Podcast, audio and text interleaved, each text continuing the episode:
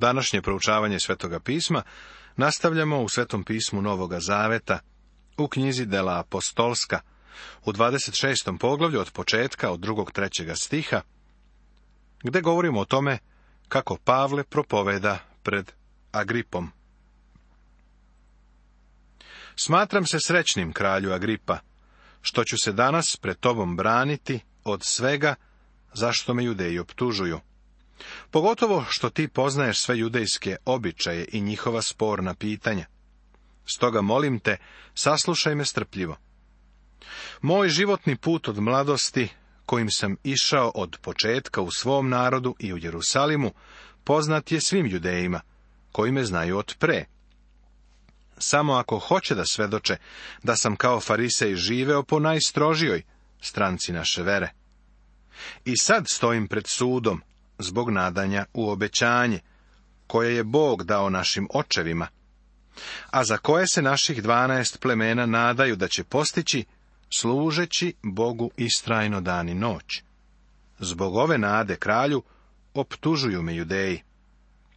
Zašto se kod vas smatra neverovatnim kad Bog vas krsava mrtve? I ja sam sa svoje strane mislio da treba sasvim neprijateljski da postupim protiv imena Isusa Nazarečanina. To sam i učinio u Jerusalimu. Dobivši ovlašćenje od prvosveštenika, zatvorio sam u tamnicu mnoge od svetih. A kad su ih ubijali, ja sam bio za to. Mnogo puta sam ih po svim sinagogama kažnjavanjem prisiljavao da hule. Razjaren preko svake mere na njih, gonio sam ih čak do tuđih gradova. Kad sam pri tom putovao u Damask sa ovlašćenjem i odobrenjem od prvosveštenika, u sred bela dana, na putu, o kralju, videh svetlost s neba, koja mene i moje saputnike obasja jače od sunčanog sijanja. I kad svi smo na zemlju, čuh glas kako mi govori jevrejskim jezikom. Savle, savle, zašto me goniš? teško ti je protiv bodila ritati se. A ja rekoh, ko si ti, gospode? Gospod pak reče, ja sam Isus koga ti goniš. Nego ustani i stani na svoje noge. Javio sam ti se na ime za to da te odredim za služitelja i svedoka svega ovoga. Kako si me video i kako ću ti se još javiti. Ja ću te izbavljati od tvoga naroda i od mnogobožaca kojima te šaljem, da im otvoriš oči, da se obrate od tame ka svetlosti i od satanske vlasti k Bogu, da verujući u mene prime oproštaj grehova i deo među onima koji su osvećeni. Stoga, kralju Agripa, nisam bio nepokoran nebeskom viđenju, nego sam prvo onima u Damasku zatim u Jerusalimu, po svoj judejskoj zemlji i mnogobošcima propovedao da se kaju i obraćaju Bogu čineći dela dostojna pokajanja. Zbog toga judeji me uhvatiše u hramu i pokušaše da me ubiju. Ali, dobivši pomoć od Boga do današnjeg dana, stojim i svedočim malom i velikom, ne kazujući ništa drugo sem onoga što su proroci i Mojsije rekli da će se dogoditi, da će Hristos postradati, da će kao prvi iz vaskrsenja mrtvih objaviti svetlost našem narodu i mnogobošcima. Nakon što dakle Pavle iznosi jednostavno objašnjenje svoga stava, koji je prirodna posljedica njegovog porekla, on nastavlja i priča o tome kako je živeo kao farisej, a zatim govori o svom doživljaju na putu za Damask. Rekao je, mislio sam da treba da se suprotstavljam imenu Isusa iz Nazareta. Gospod Isus nikada nije imao ogorčenijeg i brutalnijeg neprijatelja, nego što je to bio Savle iz Tarsa. Savle je bio okoreli neprijatelj, pun mržnje prema Isusu Hristu i evanđelju sada priča o tome kako je pustošio crkvu u Jerusalimu i kako je mnoge svete Božije ljude zatvarao u tamnicu. Zbog ovoga je i uspeo da izdrži dve godine u zatvoru, kao i zlostavljanje religioznih starešina. Bio je jedan od njih. Tačno je znao šta misle. Zatim u 13. stihu on iznosi svoj doživljaj na putu za Damask, kako ga je gospod Isus presreo, kako je pao na zemlju i čuo kako mu Isus govori. Tada je shvatio da se protivi Božjoj volji. Posle mnogo godina dok je pisao Filipljanima o ovom svom iskustvu, rekao je Ali što mi je nekad bilo dobitak, to sam radi Hrista smatrao za štetu.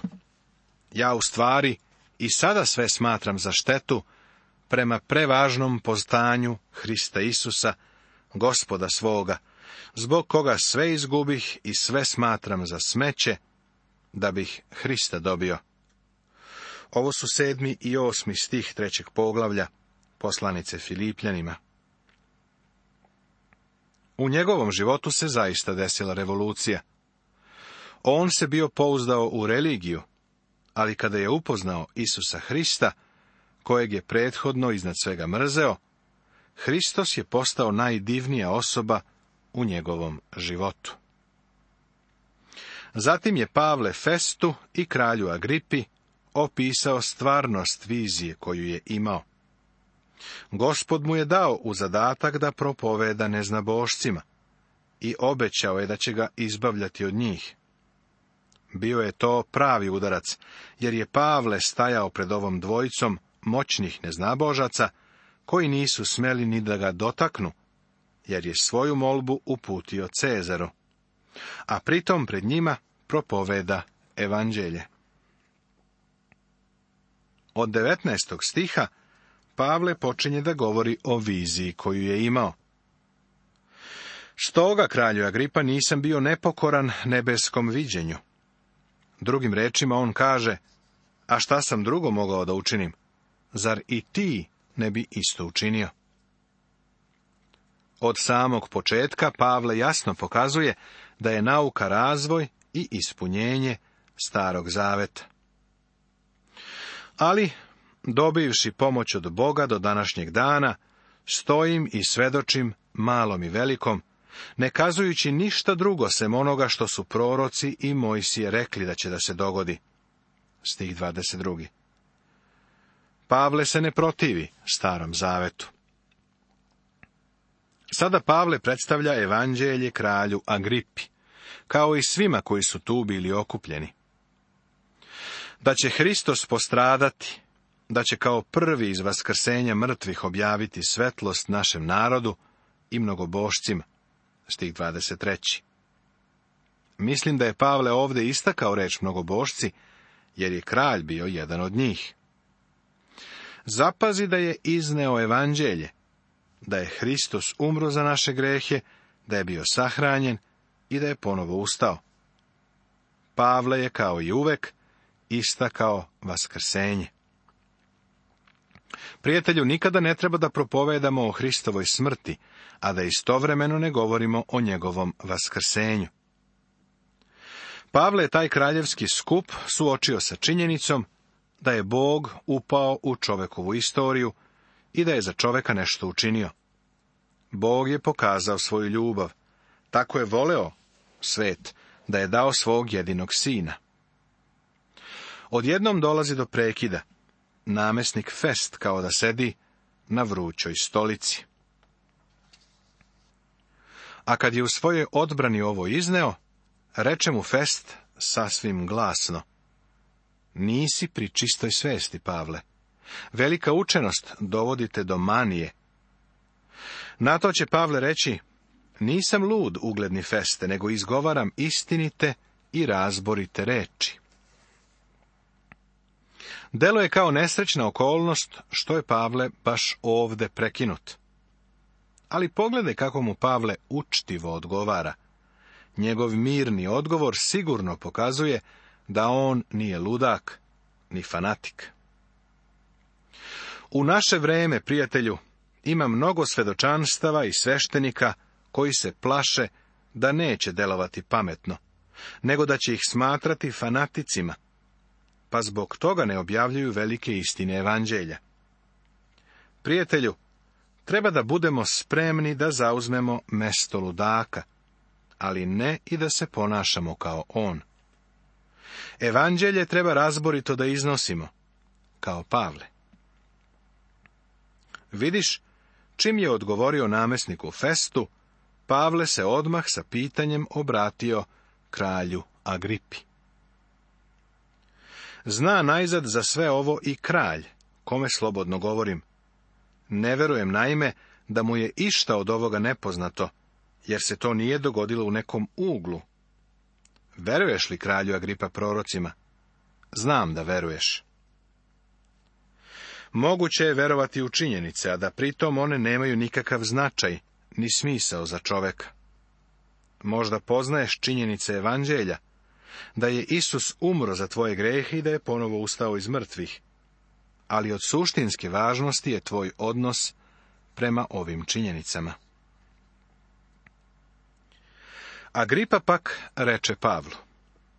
Još malo pa ćeš me nagovoriti i učiniti me hrišćaninom. A Pavle reče. Molio bih Boga da bi pre ili posle ne samo ti, nego i svi koji me danas slušaju, izuzev ovih okova, postali takvi kakav sam ja. Agripa je bio inteligentan čovek. Odgovorio je, još malo pa ćeš me nagovoriti i učiniti me hrišćaninom. Prijatelju, znaš li da možeš biti skoro hrišćanin, a zatim biti izgubljen za celu večnost?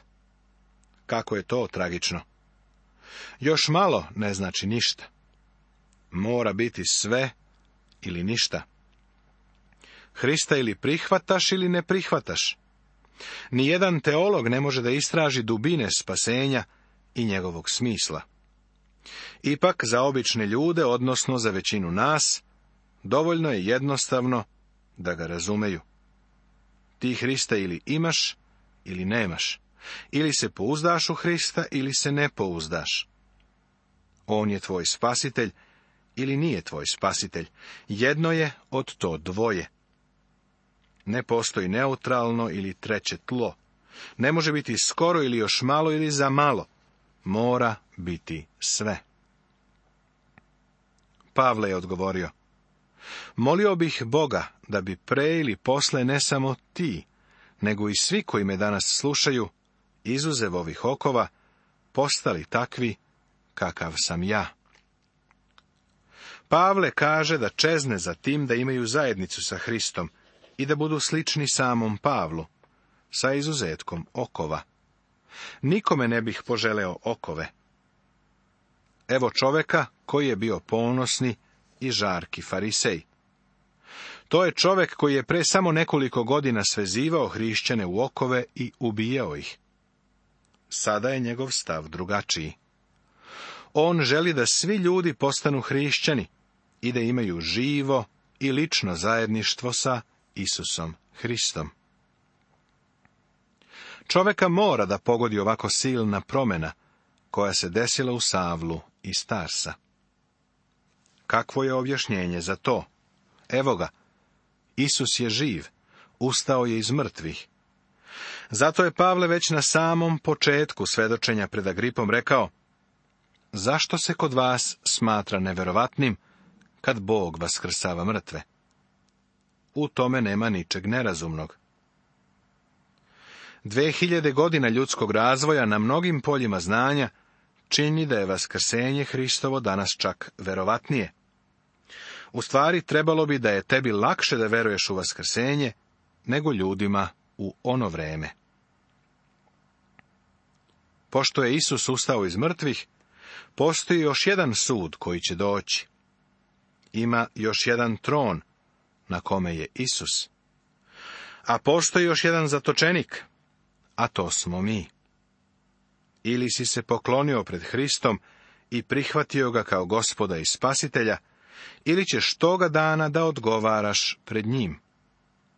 Vaskrsenje je vrlo važno za nespasene ljude, baš kao i za spasene.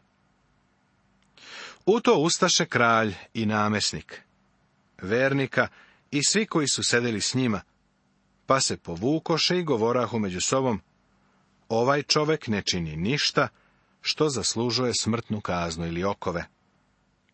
A Agripa, reče Festu. Ovaj čovek mogao bi da bude oslobođen, da nije uložio priziv caru.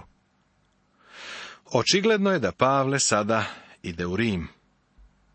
Pre smo spomenuli da ima onih koji ispituju da li je Pavle učinio pravu stvar, kada je molbu uputio Cezaru. Neki smatraju da je pogrešio. Ja uopšte ne smatram da je to bila greška. U poslanici Rimljanima Pavle je iskazao svoju čežnju da ide u Rim. Svagda u svojim molitvama, moleći se da bi mi jednom pošlo za rukom da Božjom voljom dođem k vama. Želim naime da vas vidim, da vam udelim kakav duhovni dar za vaše učvršćenje. Ovo su deseti i jedanaesti stih poslanice Rimljanima prvog poglavlja.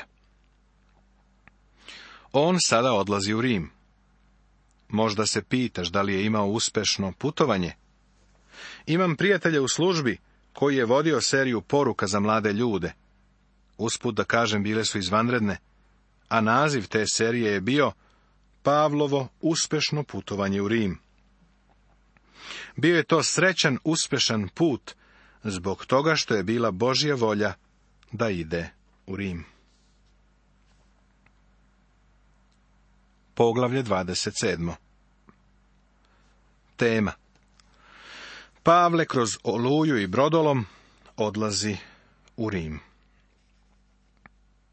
Ovo putovanje po moru bi se sasvim opravdano moglo nazvati četvrtim Pavlovim misionarskim putovanjem. Kada je otišao u Rim, bio je sasvim aktivan.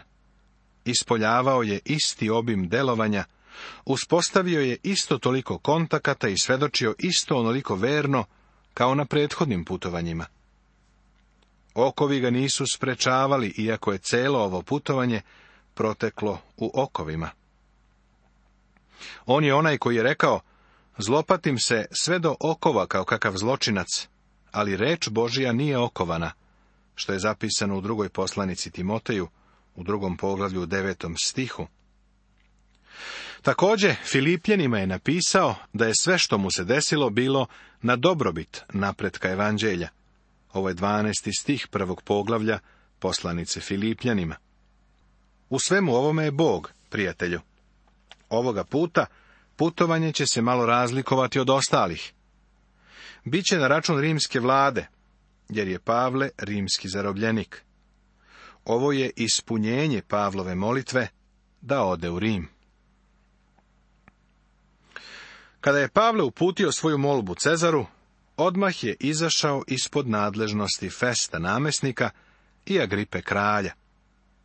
Nakon što je saslušao njegov slučaj, kralja Gripa je upravo i rekao, ovaj čovek mogao bi da bude oslobođen da nije uložio priziv caru.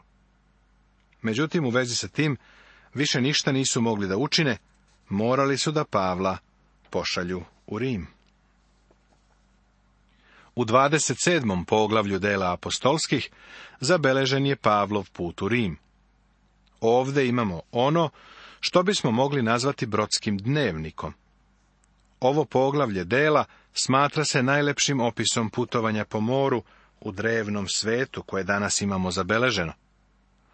Sir William Ramsey je napravio studiju zapisa doktora Luke, a ovaj deo smatra remek delom, i najpreciznijim zapisom i kada zapisanim. Znači, kao što vidiš, došli smo do još jednog velikog poglavlja u Svetom pismu. Oni od vas koji su proučavali Cezara na latinskom jeziku, možda se sećate izveštaja o izgradnji mosta. Taj odeljak uvek zapamte oni koji proučavaju latinski, jer se tu nalazi toliko mnogo novih reči koji se odnose na izgradnju mosta. Ovo poglavlje na grčkom jeziku odgovara tom delu, jer ovdje imamo mnogo tehničkih izraza koje doktor Luka koristi da bi opisao ovo putovanje. Hajde da krenemo sa apostolom Pavlom. Idemo na put ka Rimu, preko mora. Ovo je posljednji i najuzbudljiviji prikaz putovanja u delima apostolskim a kad je pala odluka da otplovimo u Italiju, predadoše Pavla i neke druge sužnje kapetanu carske čete po imenu Juliju. Uđo smo tako u jednu adramitsku lađu, koja je imala da plovi u azijska primorska mesta, te se odvezo smo. Aristarh, Makedonac i Soluna bio je sa nama. Drugoga dana stigo smo u Sidon, nastavit će se.